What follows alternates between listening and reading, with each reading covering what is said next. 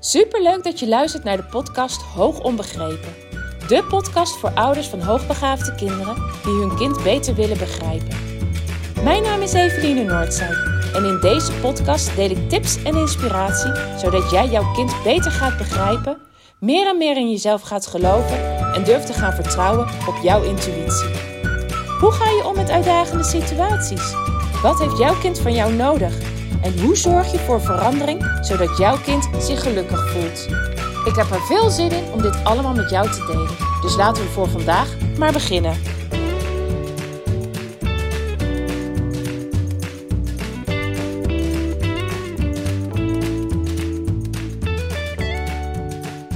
Hey, daar ben ik weer. Vandaag gaan we het hebben over intelligentieonderzoek.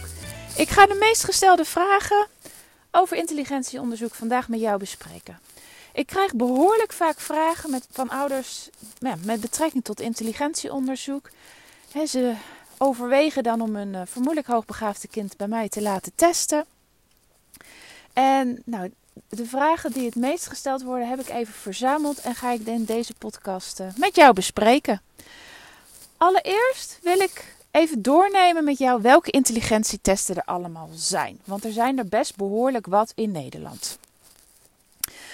Nou, allereerst bestaat er de WIPSI. En de WIPSI is een, uh, een wechselertest. Je hebt er drie, namelijk naast de WIPSI ook de WISC en de WISE. Nou, over die twee kom ik straks nog te spreken. Maar eerst de WIPSI. De WIPSI is geschikt voor het laten onderzoeken van kinderen tussen de 2,5 en 7 jaar. Nou, de andere wechselertest is de WISC, de WISC 5. Uh, deze test is nu ongeveer drie jaar op de markt. Uh, en heeft de, de WISC 3 vervangen. Op het moment dat je ervoor kiest om je kind te laten onderzoeken door een onderzoeksbureau en die maken nog gebruik van de WISC 3, doe het niet. Deze test is echt verouderd en nou ja, in mijn ogen mag die niet meer gebruikt worden. Uh, maar de WISC 5, de nieuwste dus, de nieuwste versie, is geschikt voor het onderzoeken van kinderen tussen de 6 en 16 jaar. Nou, en binnen de wechselertesten heb je dan ook nog de WISE. De WISE is gericht op volwassenen, uh, maar kunnen ook nog gebruikt worden voor jongeren vanaf 16 jaar. Nou, dan hebben we vervolgens naast deze testen ook nog de Rakit. De Rakit is een, uh, de Rakit 2 is een onderzoeksinstrument waarmee de, de, kinderen tussen 4 en 12 jaar onderzocht kunnen worden. En heeft zich eigenlijk bij de ontwikkeling daarvan heel erg gericht op de kinderen met, uh, ja, die laag uitvallen. Dus waar andere onderzoeksinstrumenten vaak niet goed een beeld kunnen geven van ja, hoe hoog is de intelligentie nou bij de kinderen die ja, flink onder het gemiddelde zitten. Daar kan de, de raak het uh, een goed beeld van geven. Het instappen met, qua moeilijkheid binnen de subtesten uh, is ook gewoon laag. Er zit veel van dezelfde niveau vragen in en wordt pas langzaamaan moeilijker. Nou, dan heb je nog de IDS 2. voor mij een heel onbekend onderzoeksmiddel. Dus ook nog niet zo lang op de markt. Uh, maar is geschikt voor het testen van kinderen tussen de 5 en 20 jaar. Uh, laatst heb ik daar een vraag over gesteld in een, uh, in een groep. Een groep met andere orthopedagogen en psychologen die testen afnemen. En ik begrijp dat het best wel behoorlijk wat gebruikt wordt. Um, ook voor het onderzoeken van hoogbegaafde kinderen. Maar is net zoals alle andere testen die ik uh, net al benoemd heb, niet speciaal voor het testen van hoogbegaafde kinderen. Kom ik straks ook nog verder op terug. Nou, dan heb je nog de SON R. Die is voor kinderen tussen de 2 en 8. Maar bij dit is een non-verbale test. En dat betekent dat deze test wordt afgenomen zonder daarbij gesproken of geschreven taal te gebruiken. En eigenlijk wordt deze test met name gebruikt voor kinderen die echte problemen in de communicatie hebben. Dus communica ja, kinderen die heel communicatief heel zwak zijn, echt daar heel veel problemen in ondervinden. Uh, of bijvoorbeeld voor uh, buitenlandse kinderen, hè, die de Nederlandse taal nog niet beheersen. Want voor alle andere testen is het noodzakelijk dat de Nederlandse taal voldoende beheerst wordt. Tenminste, voor deze testen die in het Nederlands afgenomen worden. Want net zoals de wexlertesten, die zijn ook uh, in andere talen verkrijgbaar. En dan heb je nog de KICT, de KICT Plus. De KICT Plus is drie jaar geleden op de markt gekomen. Zo rondom ja, dezelfde, redelijk dezelfde periode als de WISC 5. En is een hele nieuwe test in Nederland bedacht, in Nederland ontworpen. En uh, als eerste dus ook in Nederland beschikbaar. En in tegenstelling tot alle andere testen is de KICT Plus een test die speciaal ontwikkeld is voor het onderzoeken van vermoedelijk hoogbegaafde kinderen. En dit is ook de test die ik zelf het meeste gebruik. Eh, en dat heeft als reden dat in mijn ogen, in het verleden heb ik de Rakit gebruikt. Nou, die gebruik ik eigenlijk bijna nooit meer. Ehm, en heb ik de Wisk 5 gebruikt en die pak ik nog af en toe wel uh, op het moment dat ik de kikt niet kan afnemen. Want de kikt is geschikt voor kinderen tussen de 5 en 11 jaar. Um, en ik pak de kick dus. En mijn ervaring is dat die het beste een beeld kunnen geven van, ja, van wat voor niveau een kind nu eigenlijk cognitief functioneert. Want zoals ik net al zei, zijn alle intelligentietesten op de KICT dus na ontwikkeld voor het testen van, ja, van alle kinderen. Van hoog naar laag en van laag naar hoog. Maar met name gericht op het, ja, op het gemiddelde intelligente kind. En dat betekent ook dat de normen, dus de, de hoogte van de intelligentie bij bepaalde scoren op de test, ehm, vooral afgestemd zijn op het gemiddelde kind. Ehm, op het moment dan namelijk dat een, een test genormeerd wordt, en nou weet ik van het hele normeringsproces niet heel veel af. Um, ik ga proberen van wat ik weet aan je over te, te over te brengen. Uh, moeten er heel veel kinderen getest worden. En ze gaan dan kijken, oké, bij welke scores horen, horen de hoogte van de intelligentie. Um, en in deze groepen, de groepen kinderen die meedoen aan zo'n normeringsonderzoek, zitten eigenlijk vooral kinderen die een gemiddelde intelligentie hebben. En de groep kinderen die uh, onder dat gemiddelde zitten, maar ook kinderen die boven dat gemiddelde zitten, zijn eigenlijk heel weinig vertegenwoordigd in dat normeringsonderzoek. En daarom is het ook veel lastiger om te bepalen um, ja, welke scores er bij welke hoogte van de intelligentie horen. Dit even in een notendop. Um, en, maar ik gebruik dit als sprongetje naar de kikt. De kikt is genormeerd, gericht op hoogbegaafde kinderen. Dus in de, de normeringsgroep van de kikt zitten ook kinderen die uh, rondom een gemiddeld IQ zitten, een bovengemiddeld IQ, maar ook heel veel kinderen die een in, in de range van hoogbegaafdheid zitten.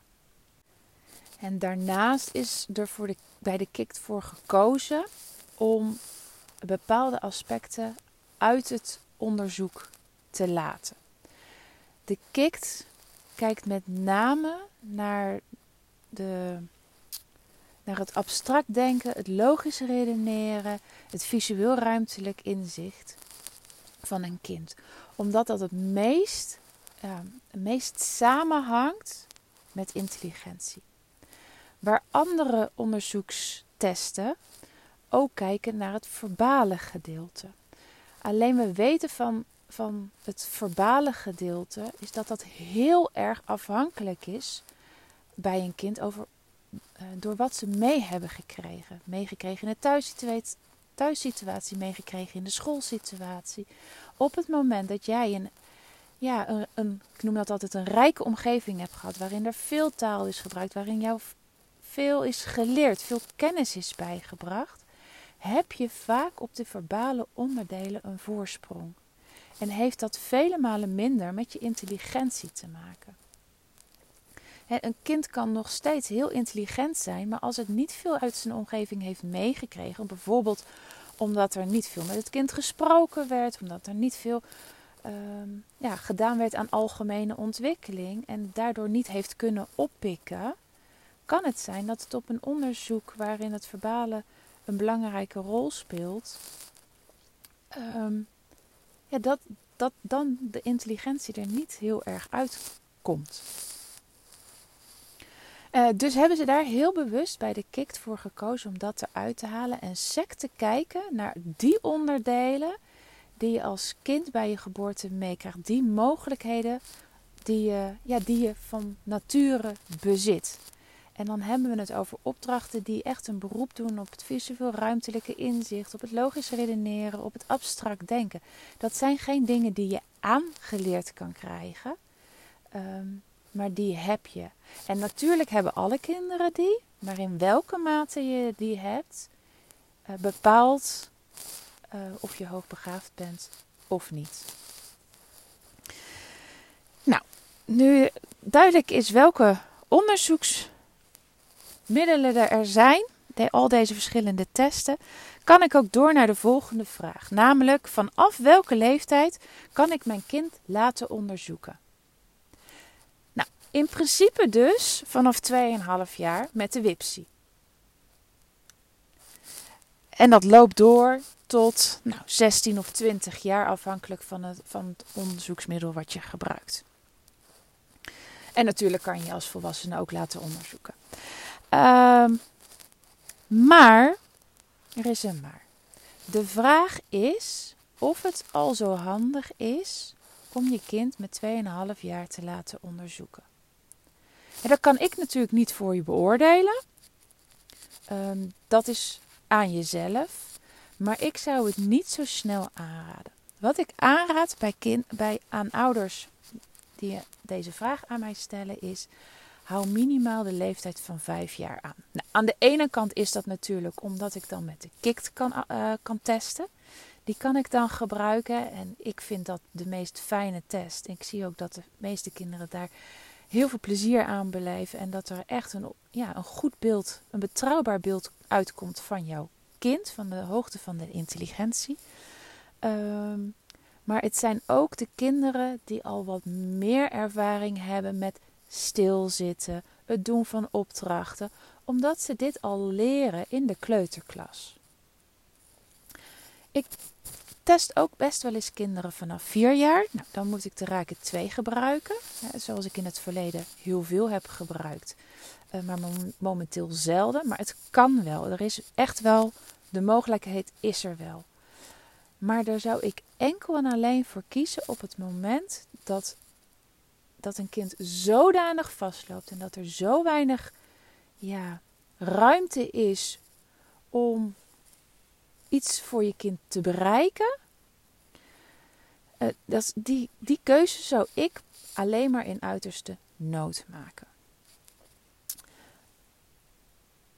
Daarbij komt dat ik denk dat er voor die kinderen, eh, dan heb ik het over kleuters, ook nog andere mogelijkheden zijn.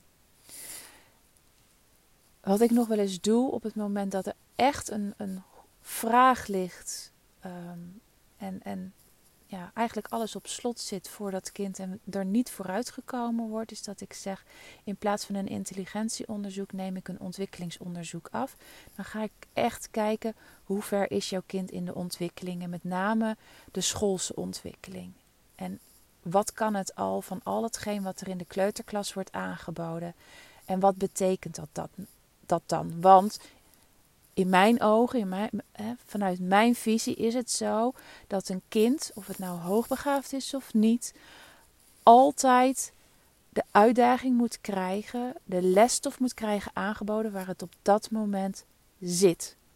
Dus als een kleuter uh, de basis al bezit van groep 1, dan is het de Uh, dus volgende stap is het aanbieden van groep 2 lesstof. En dat kan binnen een kleuterklas eigenlijk altijd wel. En ik zie daar dus dan vaak niet de meerwaarde in voor een, um, voor een intelligentietest. Uh, mocht je denken van, goh Evelien, dat is heel interessant. Ik ben er wel eens op je site geweest, op je website geweest. Maar ik heb dit echt nergens zien staan. Nee, dat klopt. Ik heb het ook echt nog steeds niet op mijn website gezet. Uh, maar stuur me gerust even een berichtje als je hier meer over wil weten. Um, het meest ideale, kijk, ik start echt met, het, met, het, met de kikt. Kan ik testen vanaf vijf jaar? En dat doe ik ook echt wel wanneer de vraag zodanig groot is. Um, altijd in overleg met ouders en als er geen andere oplossing is. Maar het meest ideale is een kind vanaf 6, 7 jaar. dit is gewoon, ja, die heeft gewoon wat meer ervaring uh, met het doen van opdrachten, met het um, stilzitten. Uh, maar weet dus dat er ook voor jonge kinderen zeker een mogelijkheid is. Nou, wanneer kinderen tussen de 5 en eh, 10 jaar bij mij komen, pak ik eigenlijk bijna altijd standaard de kikt. Of er moet een andere goede reden zijn um, om daar niet voor te kiezen. Maar die vul ik zelf wel altijd aan met een andere test. Dat is namelijk de SELF 5. Dat is een uh, onderzoek, wordt veelal gebruikt ook in de logopedie, om een stuk aan te geven van hoe ver staat het kind nou op de taal en communicatie, uh, in de taal- en communicatieontwikkeling. Omdat ik heb gemerkt dat heel veel scholen hè, de kikt een fijn, ook fijn vinden, maar daar het stuk verbaal nog wel in missen. Uh, en daar kan best soms een verschil in zitten. Het kind kan best uh, hoger scoren op het logisch denken en het uh, visueel ruimtelijk inzicht en het abstract redeneren. maar qua, qua taal, ehm, ja, dat, daar, dat dat net iets lager zit en nog steeds bovengemiddeld. Uh, maar er zitten nog wel eens verschillen in. En dat is voor een school vaak heel interessant om dat wel toch mee te krijgen. Dus vandaar dat ik de KIKT eigenlijk altijd aanvul uh, met de zelf 5. Nou, op naar de volgende vraag. Uh, heel veel ouders zijn best wel, ja, vinden het best wel lastig om uiteindelijk de keuze te maken om een kind te laten onderzoeken. Omdat ze dan zeggen van ja, maar weet je, mijn kind is uh, valangstig, mijn kind uh, gaat moeilijke uitdaging uit de weg, vinden het lastig om door te zetten. Als het moeilijk wordt, zal het dan wel uit het onderzoek komen. Nou, ik zeg altijd, tot op heden is het misschien één of twee keer bij mij geweest dat ik denk: oké, het is niet uit het onderzoek gekomen, terwijl ik echt denk dat er meer zit in dit kind. Uh, dat is één keer geweest bij de afname van de Raakit 2 en één keer bij de Kikt geweest. In alle andere gevallen, en eigenlijk hoor ik het in uh, eh, 80% van de gevallen, dat ouders aangeven van oké okay, Evelina, hou hier rekening mee dat mijn kind uh, waarschijnlijk niet alles gaat laten zien. Dat het afhaakt wanneer het moeilijk wordt. Echt nou, 80% van de gevallen hoor ik dat. En dus in het allergrootste gedeelte van die gevallen kan ik het er echt alsnog uithalen. En dat heeft te maken met de manier waarop ik uh, sowieso al het onderzoek insteek. Dat is enorm belangrijk. Uh, de manier waarop een onderzoeker het onderzoek insteekt.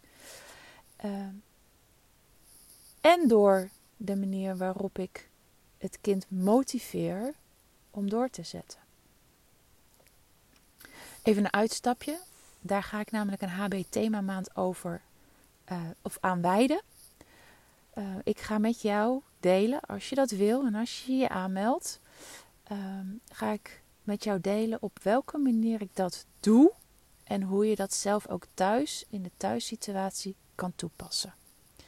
Uh, de HB maand is nog niet de inschrijving is nog niet open, maar je kan wel je alvast aanmelden voor een interesselijst.